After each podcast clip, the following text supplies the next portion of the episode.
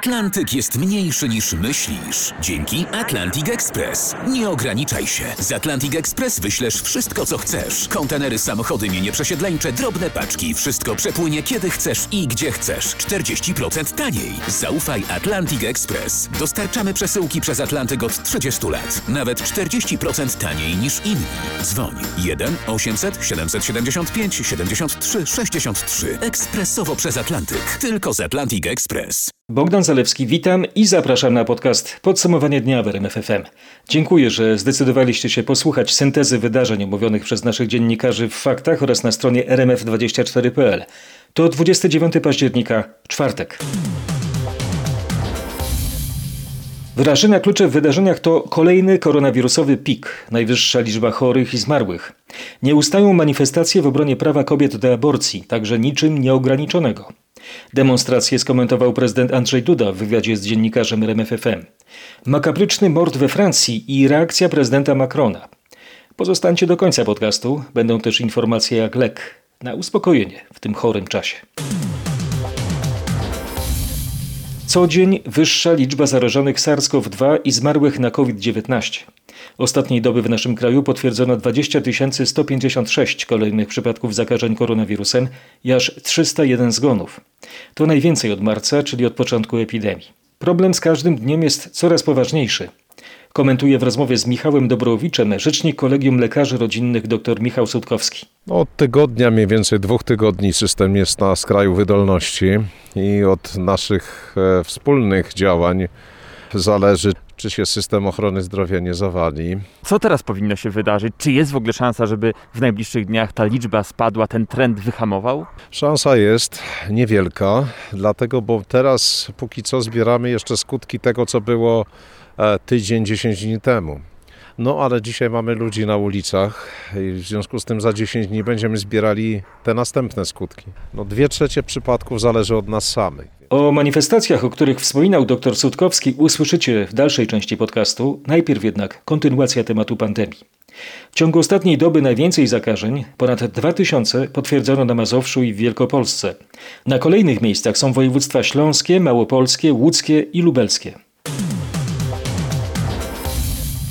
Będą nowe ograniczenia koronawirusowe, zapowiada premier Mateusz Morawiecki. Poznamy je w piątek. Jutro razem z panem ministrem Niedzielskim przedstawimy e, informacje dotyczące zarówno Dnia Wszystkich Świętych, ale także kwestie dotyczące pracy biurowej i kilka innych e, tematów, które chcemy dodatkowo jeszcze uregulować. Krzysztof Brenda zebrał nieoficjalne informacje. Czego się spodziewać? Czy cmentarze zostaną zamknięte? Dyskusja trwa, ale najprawdopodobniej pozostaną otwarte. Zamykanie cmentarzy byłoby za dużym problemem logistycznym, ale też wizerunkowym dla rządu. Dlatego do ostatniej chwili rząd nie będzie mówił, co z 1 listopada, bo przede wszystkim chce nas zniechęcić do podróżowania po Polsce. Jutro premier na pewno zaapeluje także do seniorów, by w tych dniach lepiej pozostali w domach. Jutro usłyszymy także o ograniczeniach biurowych. Najprawdopodobniej wprowadzony zostanie limit osób, które mogą przebywać na danej powierzchni, czyli jedna osoba na kilka, kilkanaście metrów kwadratowych. Wprowadzony może zostać także nakaz noszenia maseczek w biurach.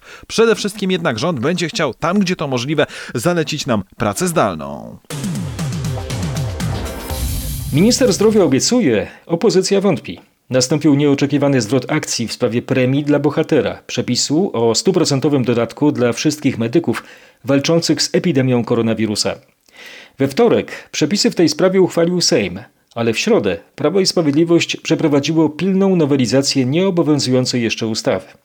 Tomasz Skory streści, co się w tej sprawie wydarzyło w czwartek. Minister zdrowia Adam Niedzielski nieoczekiwanie oświadczył, że ustawa gwarantuje to, co nie dalej jak wczoraj wieczorem Sejm z niej wyrzucił. Stuprocentowe dodatki nie tylko dla medyków skierowanych do walki z COVID, ale dla wszystkich, którzy się z nim stykają. Będziemy mieli ekwiwalentne rozwiązanie dotyczące wszystkich lekarzy, zarówno tych kierowanych przez wojewodów, jak i tych, którzy już obecnie pracują w jednostkach covidowych. Przecież właśnie to proponowaliśmy, a PiS to odrzucił, dziwi się szef PO. Być może pan minister jeszcze nie zauważył, że PiS ten dodatek wczoraj odebrał lekarzom. Mydli oczy wszystkim. Wtóruje Borysowi Budce szef PSL-u i zwraca uwagę, że minister nie mówi o gwarancji ustawą, ale o uznaniowych decyzjach NFZ. Tak naprawdę jedyne co jest pewne, to podwojona pensja dla tych, którzy zostaną skierowani do wojewodów i na to jest zarezerwowane tylko 9 milionów. Słowem minister Niedzielski zapowiedział rzecz albo nieaktualną, albo nieistotną. 30% łóżek w szpitalach ma być przekształconych w miejsca dla chorych na COVID-19. Takie polecenie wojewodom wydał premier. Na Mazowszu wojewoda wskazuje, że do przekształcenia trzeba pilnie przygotować tysiąc kolejnych łóżek. W samej Warszawie co trzecie łóżko ma być covidowe. Mariusz Piekarski pytał, jak szybko mają być przygotowane te miejsca. Ten tysiąc łóżek na Mazowszu musimy objąć natychmiastowymi decyzjami, tak napisał dyrektor Wydziału Zdrowia Urzędu Wojewódzkiego. Dyrektorzy szpitali i samorządu Mazowsza jeszcze czekają na decyzję wojewody, ile konkretnie w ich placówkach ma być nowych łóżek dla zakażonych koronawirusem, ale na przykład władze Warszawy już dostały polecenie 35% łóżek do przekształcenia, bez wskazania w których miejskich szpitalach, a przede wszystkim bez odpowiedzi, kogo już nie leczyć, by stworzyć te miejsca. Pytanie jest, jakie oddziały mamy zamknąć? Pyta prezydent Warszawy Rafał Trzaskowski. Czy mamy zamknąć kardiologię i nie leczyć zawałów? Czy mamy zlikwidować e, psychiatrię w szpitalu bielańskim, gdzie 40 osób w bardzo ciężkim stanie zostanie pozostawionych bez pomocy? Co mamy zrobić z chirurgią? I takie same dylematy mają dyrektorzy wszystkich szpitali. Wielu mówi, że kolejne powiększanie puli łóżek covidowych jest właściwie niewykonalne, chyba że oznacza odsyłanie pacjentów z poważnymi schorzeniami i skazywanie ich w najlepszym przypadku na pogorszenie stanu zdrowia. Warszawa, Mariusz Piekarski. Prawo nie może nakazywać kobiecie tego typu heroizmu. Tak orzeczenie Trybunału Konstytucyjnego w sprawie aborcji komentuje w RMFFM prezydent Andrzej Duda. W sytuacji, kiedy ta wada letalna jest taką wadą, że poza organizmem matki to dziecko nie będzie żyło albo będzie żyło tylko przez moment, to trzeba zważyć wartość tego życia z wartością życia kobiety, ze stratami psychicznymi, które ona poniesie, niosąc to dziecko pod swoim sercem, ze świadomością, że ono i tak umrze, rodząc to dziecko i ponosząc wysiłek rodzenia tego dziecka po to, żeby urodzić martwe dziecko, przecież to jest straszliwa trauma. Wydaje mi się, że musi być to uwzględnione i nie wolno na coś takiego narażać kobiety wbrew jej woli. Prawo nie może jej do tego zmuszać. Jak prezydent ocenia ostatnią falę protestów? To, że grupa ludzi wychodzi na ulicę i żąda w Polsce rewolucji, to jeszcze nie znaczy, że, że, że, że należy temu ulegać. W demokracji rozstrzygają kryteria przy urnach, a nie kryteria uliczne. I Proponuję, żeby w ten sposób działać zgodnie z zasadami demokracji yy, i myślę, że to jest i myślę, że też tego oczekuje dzisiaj w Polsce większość społeczeństwa. Ludzie przede wszystkim chcą spokoju, chcą, żebyśmy przeszli przez pandemię koronawirusa, chcą, żebyśmy wyszli z tego spokojnie, nie tylko jeżeli chodzi o zdrowie, ale także jeżeli chodzi o jakość naszego życia, o polską gospodarkę i to jest dzisiaj najważniejsze zadanie. Cały wywiad Michała Zielińskiego z prezydentem jest na rmf24.pl. czwartek w całym kraju odbyły się kolejne protesty przeciwko orzeczeniu Trybunału Konstytucyjnego w sprawie aborcji. Protesty zorganizowano m.in. w Warszawie, Poznaniu, Krakowie i Trójmieście. W Warszawie protestujący zebrali się po godzinie 18 na Nowym Świecie. Około 100 osób pojawiło się w okolicy siedziby partii Razem. Podczas demonstracji pod hasłem Kobiety i LGBT razem za równością zebrani mieli ze sobą m.in. tęczowe flagi. I na chwilę zablokowali ulicę Nowy Świat. Potem demonstrujący zebrali się przed budynkiem telewizji publicznej. Tak w faktach o 19 akcję w stolicy relacjonował Grzegorz Kowalek. Przy płycie pomnika, który upamiętnia walki batalionu Kiliński w tej części Warszawy zbiera się tłumek protestujących. W tej chwili jest to około kilkudziesięciu, może ponad 100 osób. Druga część jest jeszcze w miejscu innej demonstracji, kilkaset metrów stąd. W rękach protestujący mają nie tylko plakaty dotyczące orzeczenia Trybunału, ale także napisy dotyczące praw mniejszości seksualnych i działalności telewizji publicznej. Cały budynek jest otoczony barierkami, przy których stoi kilkudziesięciu policjantów. Protestujący funkcjonariusze stoją w ulewnym deszczu, który na szczęście co kilka minut się uspokaja. Z miejsca protestu w stolicy Grzegorz Kwalek. W Łodzi kilkaset osób protestowało przed lokalną siedzibą Prawa i Sprawiedliwości. Przy ulicy Piotrkowskiej zebrali się głównie młodzi ludzie. Jako młoda dziewczyna chciałabym żyć w kraju, w którym mam wybór, bo przykre to jest to, że obawiam się zakładać rodzinę w ojczyźnie. Chcemy żyć w warunkach, w których jakby mamy prawo do wyboru, a nie mamy nakaz tego, co mamy robić, tak? Nie wyobrażam sobie, żeby takie, e, takie rozwiązania wchodziły w państwie demokratycznym. Po prostu jest to nieludzkie. W Krakowie organizacje zajmujące się prawami kobiet nie zaplanowały dużego protestu, ponieważ, jak zapowiedziała jedna z organizatorek, Ewelina Pytel, szykują się na piątek. Za chwilę usłyszycie o tej dużej, zaplanowanej akcji, wcześniej w telegraficznym skrócie o innych czwartkowych manifestacjach. W Gdańsku odbył się mobilny strajk generalny, organizowany m.in. przez Komitet Obrony Demokracji, Kontra na Prawicę oraz Głos Polskiej Gastronomii. Przed siedzibą Prawa i Sprawiedliwości na targu drzewnym odbyła się pikieta pod nazwą Zajmijcie się pandemią. Na skwerze Kościuszki w Gdyni rozpoczęła się manifestacja pod hasłem Czarny Czwartek. Wczoraj podczas manifestacji w Gdyni zainscenizowano pochód ze zwłokami Janka Wiśniewskiego, właściwie Zbigniewa Godlewskiego, ofiary grudnia 1970 roku. Uczestnicy idący na czele protestu nieśli na drzwiach przesłoniętą biało-czerwoną flagą kukłę kobiety. Nawiązali tym samym do komunistycznych pacyfikacji wystąpień w grudniu 1970 roku. Wówczas w proteście przeciwko podwyżkom cen wprowadzonym przez władze PRL przez wybrzeże przetoczyła się fala strajków i demonstracji. Szczególnie tragicznym okazał się 17 grudnia, nazwany później Czarnym Czwartkiem. Aby stłumić protesty, władze PRL-u zezwoliły milicji i wojsku na użycie broni. Jedną z ofiar był zastrzelony przez wojsko 18-letni Zbigniew Godlewski, pracownik fizyczny zarządu portu Gdynia. Seria z karabinu maszynowego przeszyła jego głowę i klatkę piersiową. Jego ciało robotnicy położyli na drzwiach i ponieśli ulicą Świętojańską do centrum Gdyni. Wkrótce po grudniowej masakrze inżynier ze stoczni Krzysztof Dowgiało napisał balladę o Janku Wiśniewskim. Piosenka jest motywem przewodnim filmu fabularnego Czarny Czwartek w reżyserii Antoniego Krauzego. Do skandalu z parodią tamtych wydarzeń odniósł się prezydent Gdyni Wojciech Szczurek. Parodiowanie tragicznych scen z wypadków grudnia 70 jest głupie, niegodne i wywołuje moje oburzenie, napisał na Twitterze prezydent Szczurek. Prokuratura wszczęła śledztwo w sprawie ataku na księdza, do którego doszło w Myśli Bożu w zachodniopomorskiem podczas protestu przeciwko wyrokowi Trybunału Konstytucyjnego dotyczącego aborcji. Napastnik obserwowany przez innych demonstrantów uderzył pokrzywdzonego pięścią w twarz i w brzuch, po czym używał wobec niego wulgarnych i obelżywych słów. Jego agresja przybrała na sile, kiedy dowiedział się, że pokrzywdzony jest kapłanem. Wtargnął do budynku stacji benzynowej, w której duchowny próbował się schronić i brutalnie go pobił. Modlimy się za tego, kto to zrobił, napisały warszawskie karmelitanki bose, odnosząc się do pomazania murów ich klasztoru przy ulicy Wolskiej.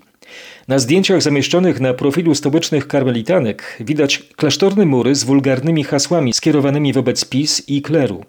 Napisy pojawiły się na świeżo położonym tynku na remontowanym budynku należącym do zakonu. Policja w Gostyninie w Mazowieckiem otrzymała zawiadomienie o wulgarnym napisie, który kilka dni temu na placu przed tamtejszym kościołem Najświętszej Marii Panny Matki Kościoła wymalowali czerwonym sprajem nieznani sprawcy. Dzień wcześniej odbył się tam protest w ramach akcji sprzeciwu wobec orzeczenia Trybunału Konstytucyjnego w sprawie aborcji. Wówczas kościół był chroniony przez ministrantów i grupę z odnowy w Duchu Świętym. Wrocławska policja zatrzymała mężczyznę podejrzewanego o pobicie dziennikarek podczas środowego protestu przeciwko orzeczeniu Trybunału Konstytucyjnego. Paweł Pyclik zebrał wiedzę o zatrzymanym. To 32-letni Robert G. Według nieoficjalnych informacji Gazety Wyborczej ma on być kibolem związanym z chuligańską bojówką Silesia i Stowarzyszeniem Wielki Śląsk. Stowarzyszenie oświadczyło, że prawdziwy kibic Śląska Wrocław nie jest damskim bokserem. Przypomnę, na opublikowanym w internecie filmie widzimy, jak mężczyzna podbiega do jednej z dziennikarek i mocno ją popycha. Kobieta upada na jezdnię. Policja prowadzi czynności w tej sprawie. Zawiadomienie złożyły dwie poszkodowane.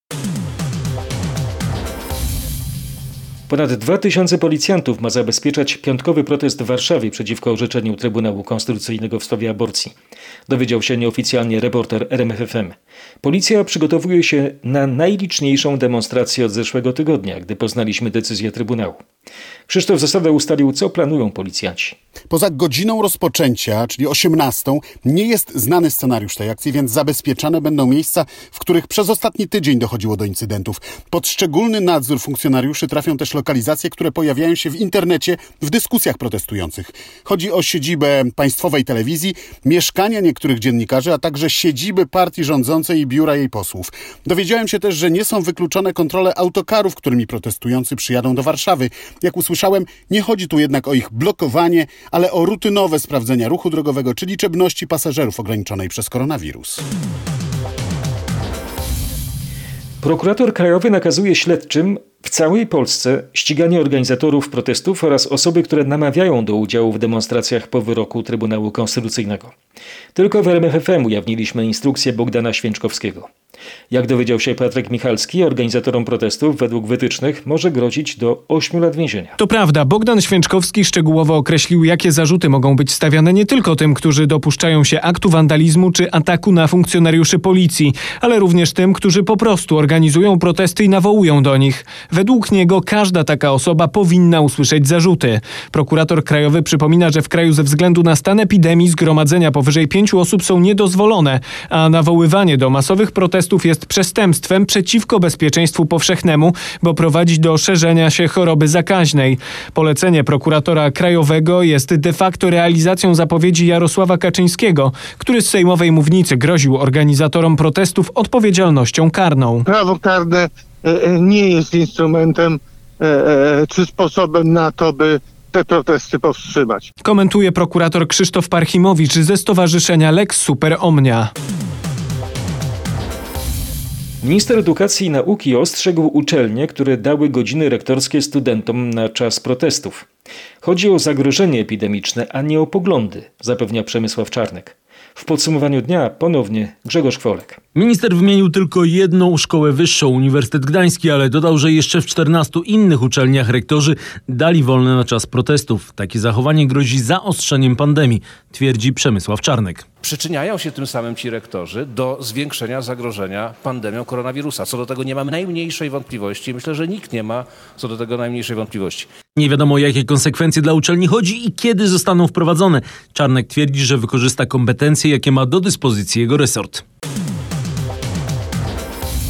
Nie wzywaliśmy do przemocy. Tak wicepremier i minister aktywów państwowych Jacek Sasin tłumaczy wtorkowe wystąpienie wicepremiera Jarosława Kaczyńskiego. Ludzie Kościoła mają też prawo do pokojowego manifestowania e, swoich poglądów, podobnie jak ci, którzy manifestują dzisiaj na ulicach swój sprzeciw wobec wyroku Trybunału Konstytucyjnego. To jest prawo obywatelskie. Nie ma e, zgody naszej na to, żeby przemoc panowała na polskich e, ulicach. Nie ma zgody na to, żeby spory polityczne rozwiązywać nie w formie dialogu, tylko w formie szarpanin czy w formie walk ulicznych. Cała rozmowa Roberta Mazurka z wicepremierem Jackiem Sasinem jest na rmf24.pl.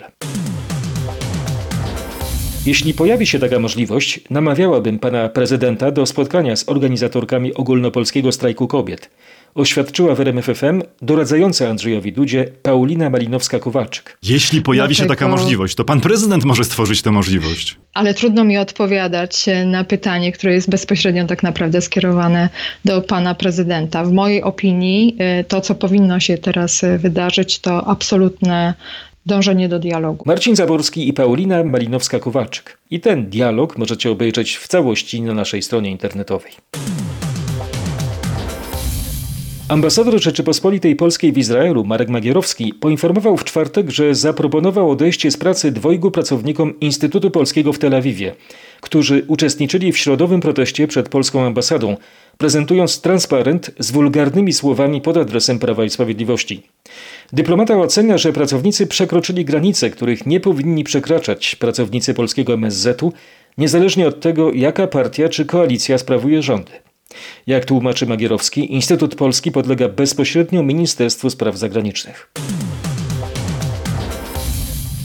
Za protesty na polskich ulicach odpowiadają polski rząd i Trybunał Konstytucyjny.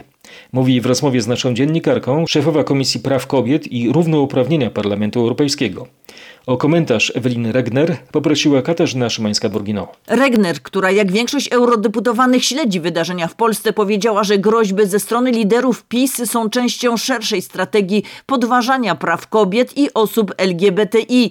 Zamiast jednoczyć podzielone społeczeństwo, wciąż dolewają oliwy do ognia i wykluczają określone grupy ludzi, powiedziała. To orzeczenie Trybunału Konstytucyjnego jest przeciwko podstawowym prawom człowieka, przeciwko podstawowym prawom kobiet.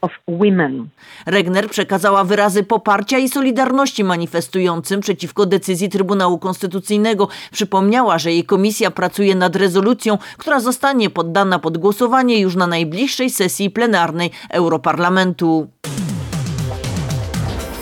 One nie ustają od siedmiu dni. Czuć siłę, mówi o protestach w Polsce Michael Carpenter, doradca Joe Bidena do spraw międzynarodowych, w rozmowie z naszym waszyngtońskim korespondentem Pawłem Żuchowskim. Jak amerykański polityk postrzega polskie sprawy? Carpenter, który gdy Joe Biden wygra wybory, będzie wysokim urzędnikiem Białego Domu lub Departamentu Stanu, podkreśla, że z uwagą śledzi wydarzenia w Polsce. Widzimy dziś tysiące kobiet na ulicach domagających się, by ktoś ich wysłuchał. Widzieć ludzi tak zmobilizowanych to sprawa pozytywna. Czuć siłę, podkreśla. Carpentera zapytałem wprost, czy Joe Biden popiera Polki. Oczywiście usłyszałem. Przypomniał, że Joe Biden wspiera kobiety. Jest choćby autorem ustawy o przemocy wobec kobiet w Stanach Zjednoczonych, która zapobiega przemocy wobec kobiet i dąży do karania tych, którzy są winni przemocy w rodzinie. Jest również orędownikiem równych zarobków i równej pracy dla kobiet. To jest sprawa, która jest zdecydowanie mocną stroną Joe Bidena i którą zabierze do Białego Domu, dodał. Całą rozmowę Pawła Szuchowskiego z doradcą Joe Bidena, kandydata w wyborach w USA, łatwo znajdziecie na rmf24.pl. Polecam również podcast Pawła Ameryka z bliska na RMFON. Po wprowadzonych w czwartek przez stronę białoruską ograniczeniach w ruchu osobowym, przez przejścia graniczne w Podlaskiem mogą na Białoruś wjechać tylko jej obywatele wracający do kraju. Ruch samochodów ciężarowych odbywa się na bieżąco. Ograniczenia w ruchu osobowym dotyczą drogowych przejść granicznych Kuźnica-Bruzgi oraz Bobrowniki Bierestowica. Jako powód zamknięcia granicy białoruskie władze podają wzrost zakażeń koronawirusem w Polsce. Od najbliższego poniedziałku Niemcy wprowadzają lockdown. Kanclerz Angela Merkel przedstawiła szczegóły zamknięcia kraju w Bundestagu. Wystąpienia wysłuchała nasza reporterka Aneta Łuczkowska. To ma być miękki lockdown. Co to oznacza? Tak właśnie mówią Niemcy. To lockdown light zbliżony do tego, który mamy od tygodnia w Polsce. Zamknięte mają zostać restauracje, za wyjątkiem zamówień z dostawą do domu. Zamknięte zostaną bary, dyskoteki, ale też kina, teatry i sale koncertowe. Do tego obiekty sportowe, kluby fitness, baseny, ale też salony masażu, tatuażu, gabinety kosmetyczne i domy publiczne. Hotele nie będą mogły przyjmować turystów. Wydarzenia sportowe zostają, ale bez publiczności. Nadal działać będą natomiast szkoły i przedszkola, sklepy i salony fryzjerskie. Czechy sprowadzają setki respiratorów z zagranicy, a Słowacja przygotowuje się do testowania wszystkich obywateli. Nasi południowi sąsiedzi wszelkimi siłami walczą z pandemią koronawirusa. W podsumowaniu dnia Maciej Pałachicki. Czechy mają największą liczbę zakażeń w przeliczeniu na wielkość populacji w całej Unii Europejskiej. Dzisiaj Senat ma tam głosować nad rezolucją o sprowadzeniu do kraju 300 lekarzy NATO i ONZ. Na przylot czeka już 28 medyków ze Stanów Zjednoczonych. Czeskie wojsko przewiozło z Włoch 60 respiratorów z magazynów NATO. Unia Europejska przekazała 30 kolejnych, a rząd sprowadził jeszcze niemal 200 takich urządzeń z Austrii i Węgier. Słowacja natomiast jutro zacznie bezprecedensową akcję testowania wszystkich obywateli. Od poniedziałku tylko z negatywnym wynikiem testu na koronawirusa będzie można wyjść tam do sklepu, fryzjera czy usiąść na tarasie restauracji. Kolejne wyniki badań potwierdzają, że przeciwciała SARS-CoV-2 utrzymują się w organizmie osób, które przeszły zakażenie koronawirusem przez co najmniej kilka miesięcy. O wynikach badań naukowców z Nowego Jorku Grzegorz Jasiński. Analiza przypadków około 30 tysięcy osób, które przeszły zakażenie łagodnie i umiarkowanie, wykazała stabilny poziom przeciwciał przez co najmniej 5 miesięcy. Co więcej, okazało się, że przeciwciała te prawdopodobnie zmniejszają ryzyko ponownej infekcji i mogą osłabić chorobę, gdyby jednak do ponownego zakażenia doszło. To kolejna już praca na ten temat i jej autorzy przyznają, że wcześniejsze badania innych zespołów wskazywały na to, że poziom przeciwciał po kilku tygodniach spada. Ich zdaniem może to tłumaczyć fakt, że badania dotyczą przeciwciał na różne antygeny koronawirusa. Niektóre z nich mogą okazać się bardziej trwałe niż inne. To z kolei może mieć istotne znaczenie w pracach nad szczepionką. Sprawca bestialskiego ataku w kościele w Nicei we Francji to 21-letni nielegalny imigrant z Tunezji. Tak twierdzą źródła we francuskiej policji. Zabił on trzy osoby, którym próbował odciąć głowy. Z Paryża Marek Gładysz. Według francuskich źródeł policyjnych ten tunezyjski islamski terrorysta przybył do Europy przez Morze Śródziemne wraz z innymi afrykańskimi imigrantami. Dotarł do włoskiej wyspy Lampedusa, a następnie zaledwie niecały miesiąc temu do Francji. Jego tożsamość potwierdziła włoska policja. Przebył on w tej chwili w szpitalu, gdzie był operowany, bo po bestialskim zabiciu trojga osób, w tym dwóch kobiet w wieku około 70 i 400 lat w bazylice Notre Dame w Nicei, został postrzelony przez policję. Zostanie przesłuchany, kiedy pozwolą na to lekarze. Prezydent Francji Emmanuel Macron powiedział w czwartek po zamachach w Nice i Dżuddzie, że Francja jest celem ataków, ale nie ugnie się przed islamistycznym terroryzmem. Zapowiedział, że liczba żołnierzy na ulicach wzrośnie do 7 tysięcy. Chronione będą też miejsca kultu i szkoły. Oprócz bestialskiego mordu w Nicei doszło do innego krwawego incydentu. W czwartek obywatel Arabii Saudyjskiej zaatakował nożem i ranił strażnika francuskiego konsulatu w Dżuddzie, kilkadziesiąt kilometrów od Mekki. Również w czwartek w Lyonie został zatrzymany Afgańczyk w tradycyjnym stroju, uzbrojony w nóż. Jego zamiary według źródeł policyjnych były groźne. Muzułmanie mają prawo zabić miliony Francuzów i ich ukarać za dawne zbrodnie, stwierdził w czwartek na Twitterze były premier Malezji Mahathir Mohamad. Komentując zamachy we Francji, polityk zastrzegł jednak, że muzułmanie nie stosują prawa oko za oko.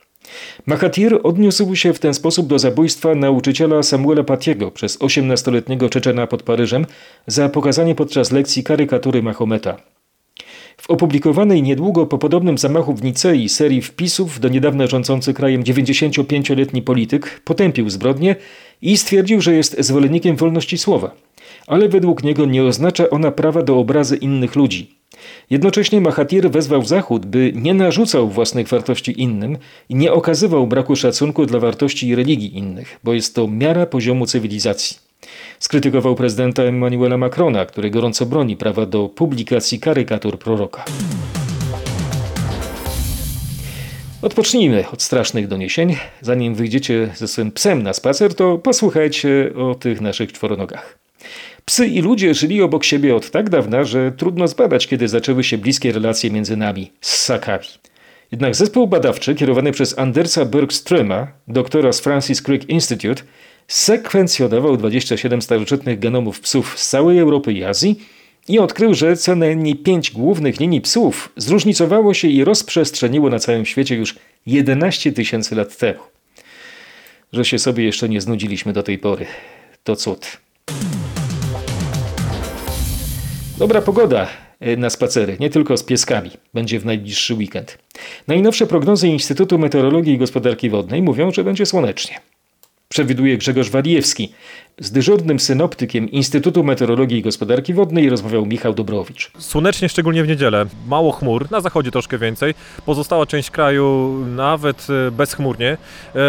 Wschodnia część troszkę chłodniej, bo tutaj około 12-13 stopni. W centrum e, ciut cieplej 14. Tam mogą się pojawić jakieś chmurki, ale z nich e, deszczu nie będzie. Maksymalnie ile stopni pokażą termometry w czasie weekendu?